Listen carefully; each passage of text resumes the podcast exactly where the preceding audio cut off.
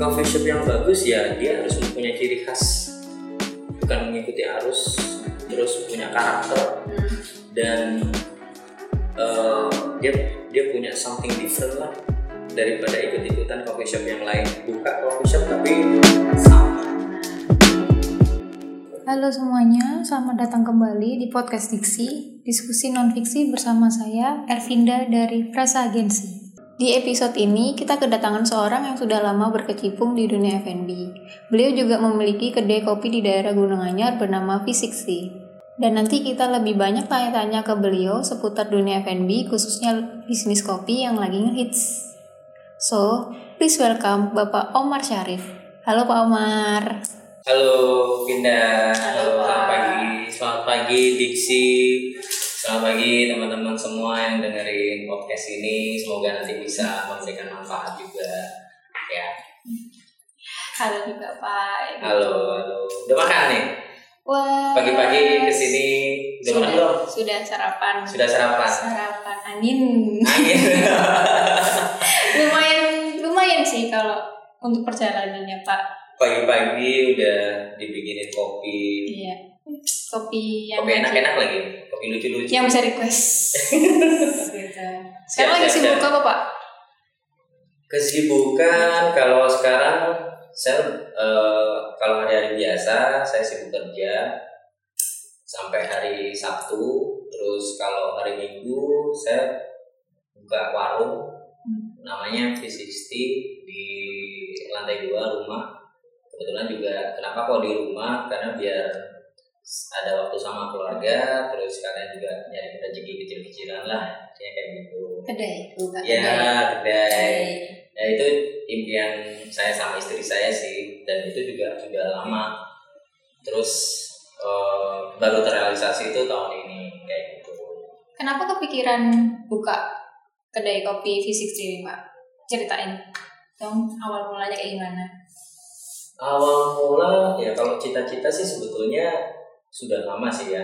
Eh, saya sama istri saya itu sebenarnya udah lama pengen banget punya usaha sendiri sebetulnya. Pengen punya usaha sendiri. Terus eh, dulu kita juga nyicil barang-barang kecil-kecil dulu ya. Kayak grider terus manual dulu gelas dan lain sebagainya. Eh, terus setelah itu kita juga ngumpulin rezeki juga. Habis itu baru terrealisasi ya tahun ini juga gitu bangunnya. Kayak gitu. Sejarahnya V60 kalau misalkan kita ngomong dari nama kenapa kok saya eh, apa namanya ambil V60 karena V60 itu gampang diingat. Gampang diingat. Terus yang kedua V60 itu diambil dari pelesetan alat kopi. Namanya tuh V60 Yang apa? Kopi-kopi Thailand. Eh, iya.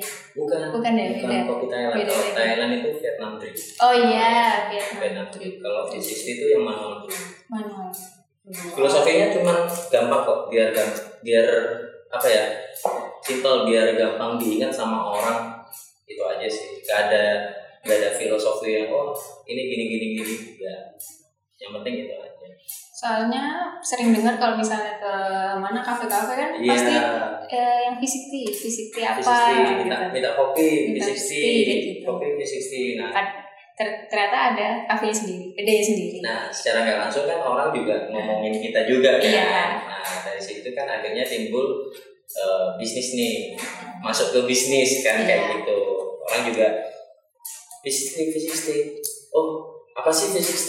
Oh, di Surabaya itu ada nama kedai namanya V60 kayak gitu. Nah, itu lebih cepat terkenalnya.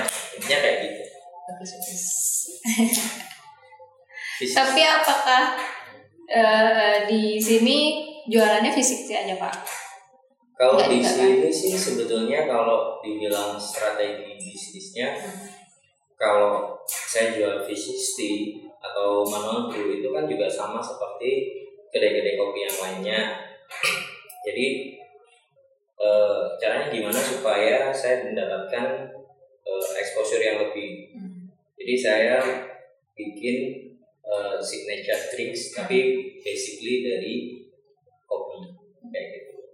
Berarti kebanyakan yang dijual juga tetap kopi atau basicnya kopi sih sebetulnya. kopi. tujuannya itu basicnya kopi cuman kopi the next level. The next kayak gitu Oke. kopi the next level jadi apa ya Seperti apa itu Pak? lebih ke coffee mixology sebetulnya Hmm. coffee mixology dan Itu yang ngebuat fisik sih beda sama yang lainnya. ya ya strateginya gimana caranya supaya kita punya exposure lebih ya kita harus melawan arus kalau misalkan saya buka kedai dan saya jual menu-menu yang sama seperti kedai yang lain atau yang itu itu aja ya pasti ya sama aja dengan kedai yang lain Ya. saya tidak punya identitas Ya. Nah, akhirnya saya eh, punya ide gimana caranya supaya lebih cepat terkenal nih.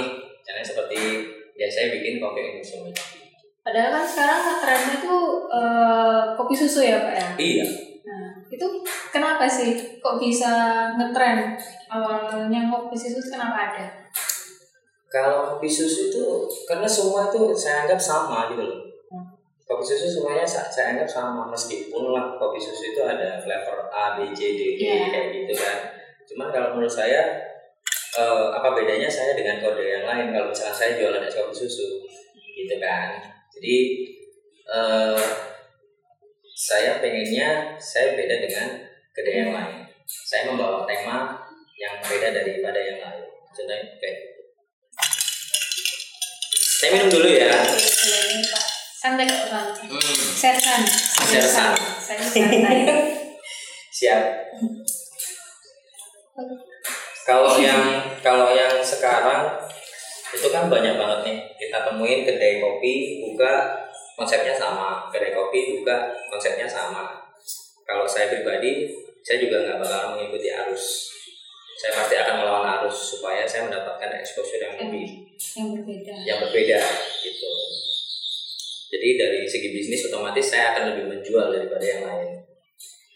Kalau menurut Pak Omar sekarang tuh ngetrennya tuh ke mana sih Pak? Ngetren Kalau itu. dilihat dari Kopi perkembangannya sekarang ya, kalau dilihat dari perkembangan sekarang eh, tahun ini dan mungkin berlanjut di tahun-tahun ke depan kayaknya sih bakalan ada ada apa ya? Kalau menurut saya ini bukan sebel, eh, belum red ocean.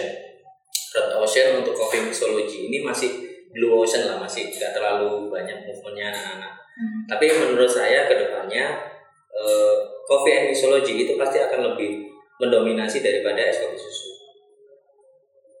Gitu. Oh iya. Karena di sini juga saya lihat sudah mulai banyak eh, kedai-kedai kopi yang mengeluarkan menu-menu coffee and mixology. Gitu. Jadi movementnya itu arahnya pasti ke sana.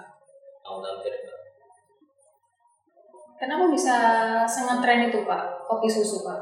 Ya karena kalau menurut saya karena orang itu sudah jenuh dengan dengan apa ya? Dengan tren yang sekarang Hmm. orang itu sudah jenuh banget karena di mana-mana misalkan ada coffee shop yang buka Hmm. satu nih terus habis itu ada buka lagi tapi temanya itu sama es kopi susu yang dijual Iya sih nggak ada yang baru nggak ada yang unik nggak ada yang spesial jadi semuanya sih sama Saya pun saya pun begitu. Apa kalau beli kopi susu tuh hampir sama semua sih Pak rasanya. iya Hampir sama semua nggak bisa. iya pada dasarnya kan cuma kopi dicampur susu sama sama apa Susu. gula sama sama sirup-sirup kayak gitu kan tidak ada yang sesuatu yang beda. Paling yang bedanya itu kayak eh, sirup-sirupnya dicampur apa sorry es kopi susu dicampur sirup apa es kopi susu dicampur sirup apa cuman gitu aja Kan bedanya. terus karpol sama vibes-nya juga. Ke kafenya itu kan jadi yang bedain cuma kafenya sama eh, sirup-sirupnya aja sih dan dijualnya juga sama. tetap. dan dijualnya juga harganya sama gitu Iya. gitu ya lagi pula juga saya pengennya dari V60 itu juga sekalian mengedukasi orang-orang sih bahwa kopi itu bukan cuma bisa jadi es kopi susu aja tapi kopi itu bisa dibikin dengan kreasi yang lain Di mix dengan bahan lain. Iya, jadi kopi itu sebenarnya kalau misalnya kita mau explore itu pasti banyak banget yang bisa kita uh, maksimalkan jadi nggak cuma hanya es kopi susu aja sih sebetulnya kayak gitu mbak Vinda uh, ini kan sekarang uh, saya lagi suka juga kan pak mm-hmm. apa namanya kopi soda mm-hmm. kan juga soda. banyak juga di mana-mana sekarang orang ngerilis americano di mix sama bahan-bahan lain. Yeah. bahkan soda gitu. Yeah. apakah itu juga bakal jadi tren baru ke depannya pak? Ya itu nanti masuknya ke coffee and mixology sebetulnya.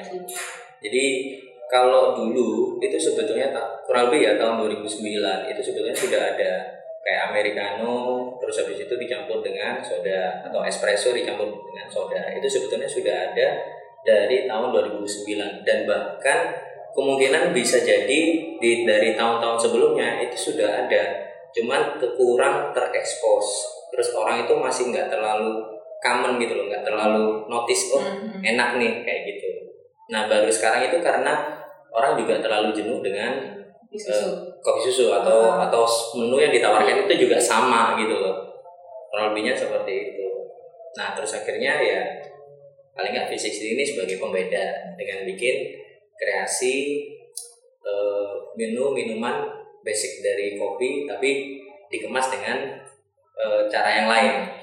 Lebih seperti itu. Kalau Pak Omar lagi bikin menu baru sebenarnya apa aja kunci dari pembuatan menu menunya itu Pak? Khususnya kopi yang menurut Pak Omar itu proper.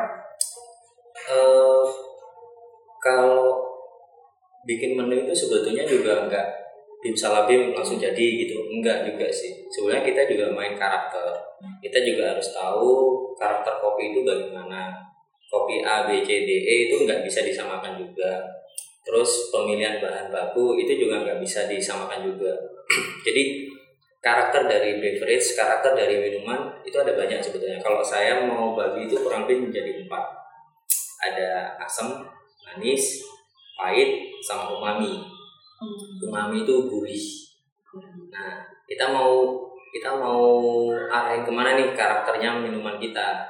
Nah tinggal kita mainkan ingredientsnya. Kurang lebih seperti itu.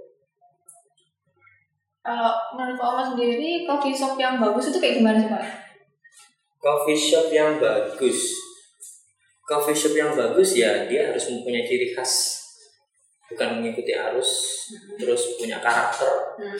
dan uh, dia dia punya something different lah daripada ikut-ikutan coffee shop yang lain. Buka coffee shop tapi sama, sama. Ya, menunya sama. menunya sama main dijual juga itu itu aja ya.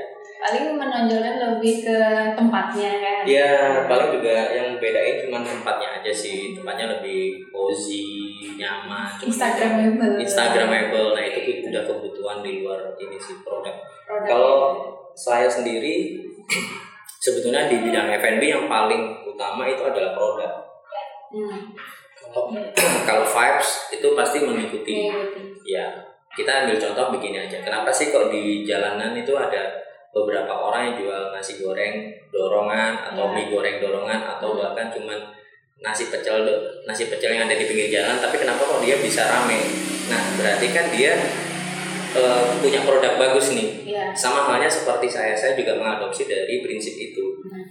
Kalau misalkan uh, produk saya bagus, meskipun saya cuma jualan di rumah atau hmm. mungkin di lantai dua rumah, hmm. ya pasti orang pasti akan mencari. Intinya seperti itu. Berarti kan juga tergantung segmennya juga ya Pak? Yes. Misalnya kita... segmennya emang buat anak muda yang pengen masuk Instagramable, berarti yeah. ya iya apa produk kopinya ya ya udah seadanya. Tapi yang penting tempatnya bisa sebut foto-foto ya. kayak gitu.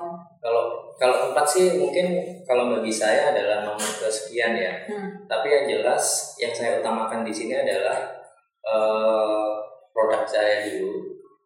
Terus habis itu konsepnya hmm. karakternya bagaimana nah itu baru bisa. Kalau kalau tempat sih menurut saya juga nggak terlalu ini sih nggak terlalu saya pikirin juga sih. Ya kayak gitu. Dan di ke depannya yang penting kalau misalkan fisik ini bisa menjadi wadah buat teman-teman yang mau belajar juga. Ini juga saya sediain buat uh, apa namanya kayak apa ya kayak kelas mm -hmm. gitu kan.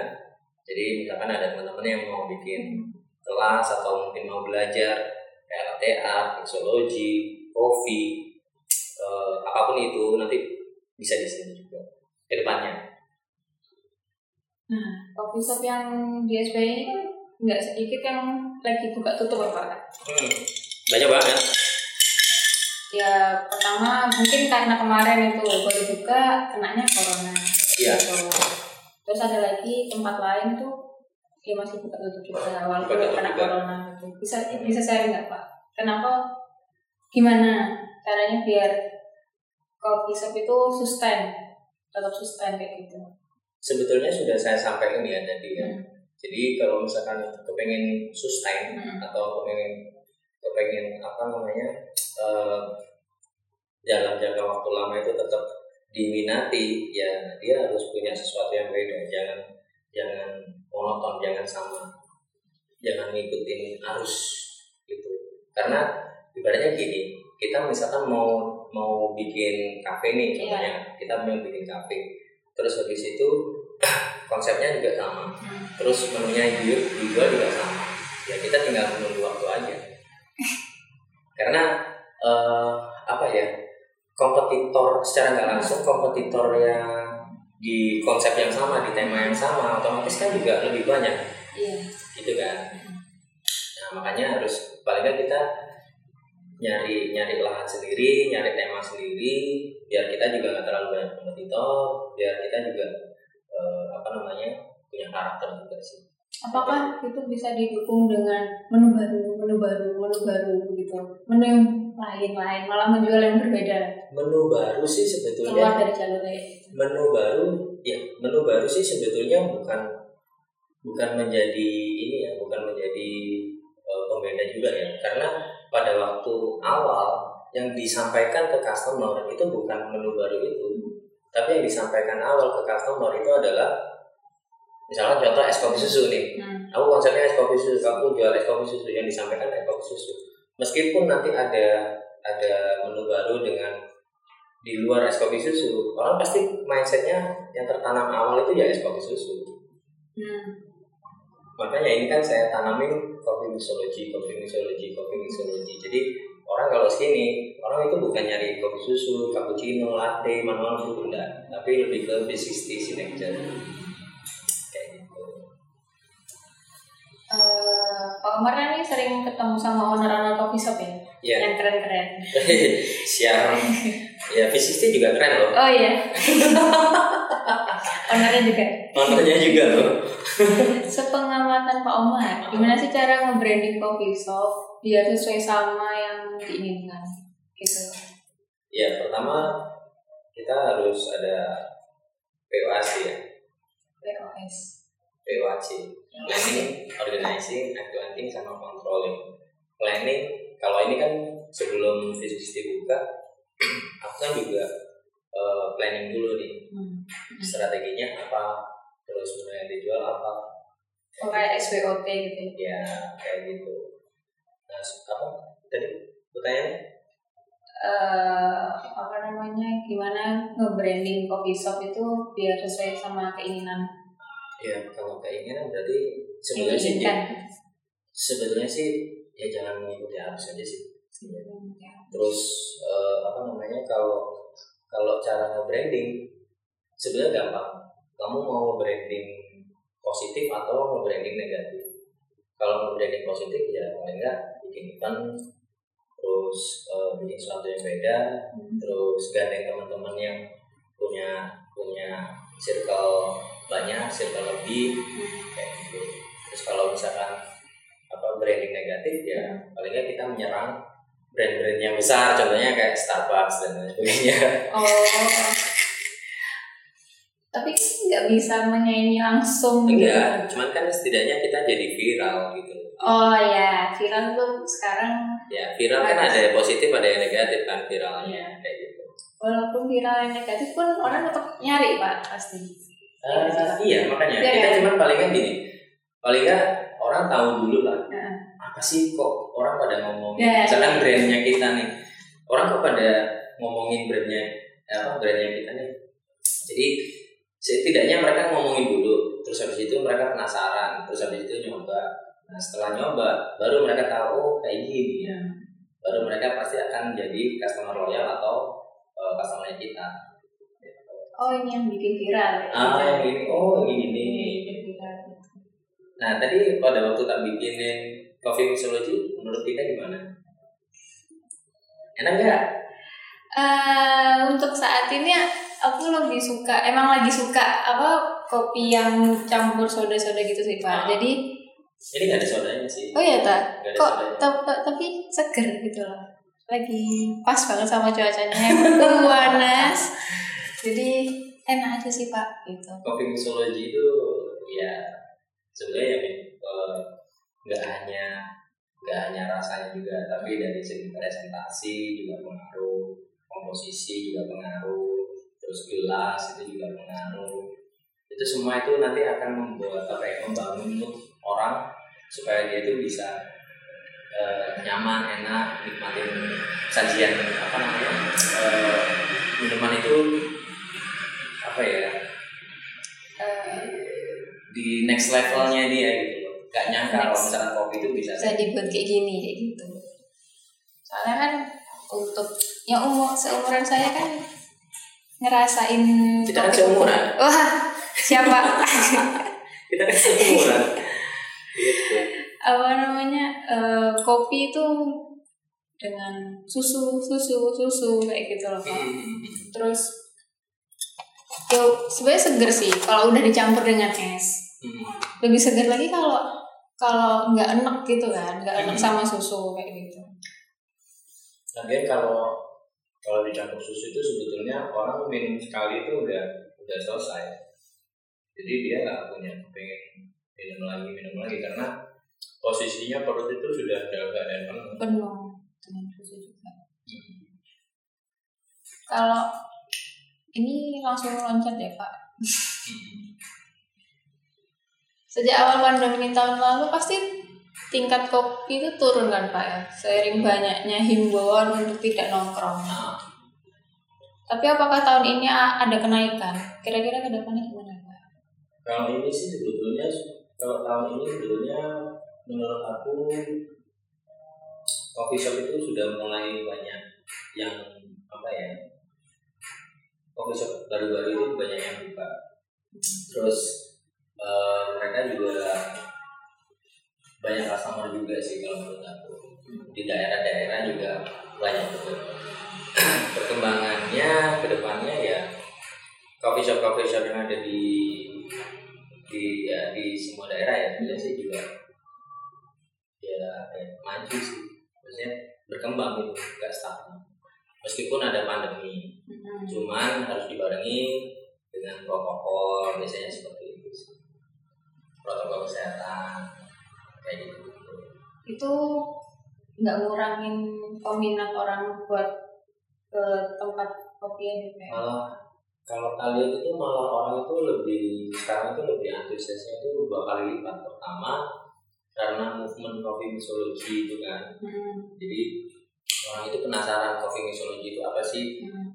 kopi campur apa campur apa kayak gitu kan. Terus yang kedua orang itu kayak kayak habis dikeluarin dari penjara gitu loh. Jadi dia itu kayak kan kemarin kan pada waktu pandemi kan mereka nggak boleh ke mana-mana Iya. gitu kan terus habis itu di rumah aja Hmm. WF Ah. kayak gitu kan nah sekarang kan sudah mulai longgar nih boleh ke sana tapi harus pakai masker protokol kesehatan dan lain sebagainya kayak gitu dan kalau tak lihat ya coffee shop coffee shop di daerah-daerah di Surabaya itu juga rame sih rame lagi udah mulai rame lagi udah gitu mulai ya. rame lagi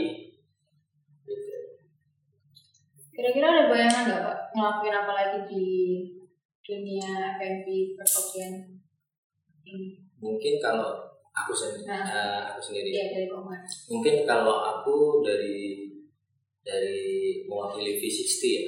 Kalau menurut aku ke depannya pasti aku bikin sesuatu yang beda lagi. Nggak tahu apa nanti tunggu aja ya. Gitu. tapi yang jelas V60 ke depannya eh, lebih ke kayak apa namanya edukasi. Edukasi terus saya juga orangnya anti mainstream nggak suka mengikuti arus.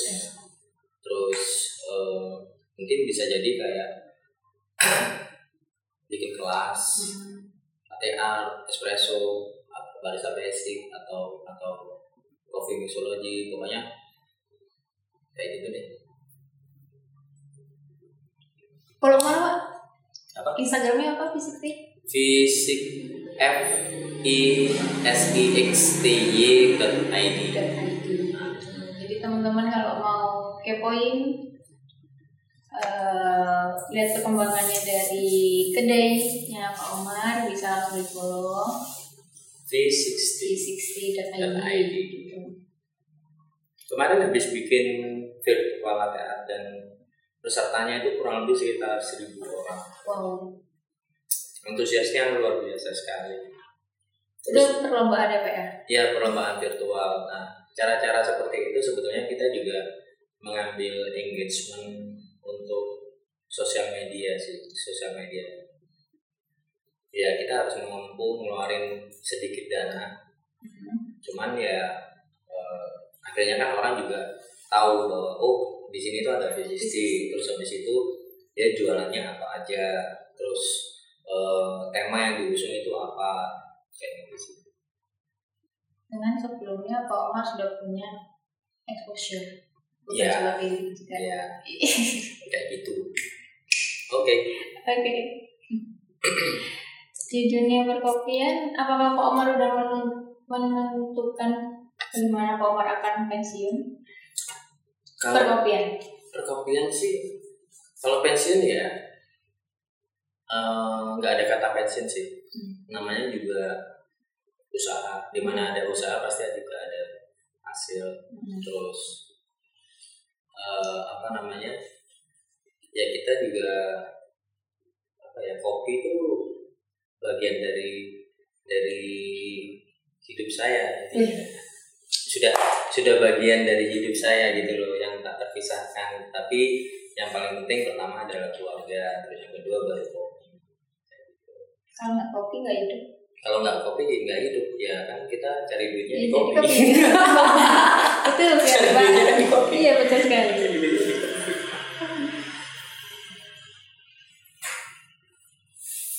gitu Kalau saya kan mandang Omar kan udah jadi orang yang berpengaruh di dunia perkopian, lebih ke Iya. perkopian. terima Soalnya kasih gitu. ke mana-mana eh, kalau lomba latte art ada Pak Omar Oke. gitu. Harapan dan pesan pesannya Pak untuk coffee enthusiast bagi owner bisnis, barista, home brewer Wood. atau penikmat kopi apa Pak? Gitu. secara nggak langsung lebih ke umum aja lebih ke Hmm. general ya kopi itu luas Hmm. kopi itu bisa dieksplor dari mana aja tergantung dari kita Eh, khususnya barista brewers sama sama coffee enthusiast yang lain bahwa cara menikmati kopi itu nggak hanya di satu sisi aja tapi banyak banget yang bisa kita nikmati dari kopi. Intinya seperti itu. Kalau misalkan untuk masalah bisnis eh, mungkin ada teman-teman yang mau buka bisnis paling tidak intinya jangan jangan terlalu mengikuti arus. Oke kita ngomong masalah bisnis otomatis kita ngomongnya masalah duit. Ya Iya, kan? pasti. kalau kalau bisnis nggak ada duit ya berarti nggak jalan kan Iya. bisnisnya kan? Intinya seperti itu. Tapi setidaknya gimana caranya kita jangan jangan sama dengan yang lain jadilah pembeda di antara keseragaman itu quotesnya Oh, iya. Sih. jadilah pembeda di antara keseragaman di garis bawahin ya guys. Oke. Kira-kira ada itu nggak Pak? Eh, kutipan lagi kalau misalnya mau belajar belajar perkopian, F&B itu harus ke mana, alamatnya di mana, V60 mungkin bisa mempromosikan V60 Em, untuk sementara sih ya follow aja dulu IG-nya V60 nanti di ke depannya sudah pasti ada kayak kelas kelas-kelas barista. Terus habis itu mixology itu juga ada. Itu di ke depannya. Ini masih progres karena saya masih eh, nyusun planning ya Ya. planning kalau kemarin eh, dalam satu tahun ini paling enggak setidaknya saya sudah punya planning gimana caranya V60 ini jalan nah planning pertama saya bikin virtual latte art itu tadi berarti planning kedua saya bikin kelas Jadi langsung DM aja, ownernya langsung Pak Omar gitu ya. Siap. Siap, siap. Sementara Ya. adminnya Omar sendiri. Admin kadang saya pegang sama istri saya yang pegang. Oh iya. Jadi langsung gitu. Karena duitnya V60 dipegang sama istri saya gitu loh. Jadi saya nggak Ya, itu ikut-ikut. Pasti. Adminnya pasti ke sana. siap, siap. Oke Pak, terima kasih. Siap sama-sama Vinda. Yeay. Sukses selalu buat Diksi. Terus buat teman-teman yang lagi dengerin podcast ini semoga ada sedikit eh, apa namanya pencerahan, masukan karena eh, apa ya paling enggak kita harus kita harus menjadi sesuatu yang beda di antara seragam. Cie. Siap, Pak. Tidak dibawahi itu buat hari ini buat hari ini. Terima kasih banyak untuk Pak Omar yang sudah mau meluangkan waktunya buat ngobrol bareng kita. Oke, kalau gitu sukses terus buat Pak Omar. Terima kasih Pinda. Dan buat teman-teman yang mau request, next time-nya Diksi perlu ngobrol bareng siapa aja, boleh banget DM kita di Instagram frasa.agensi. Terima kasih dan bye.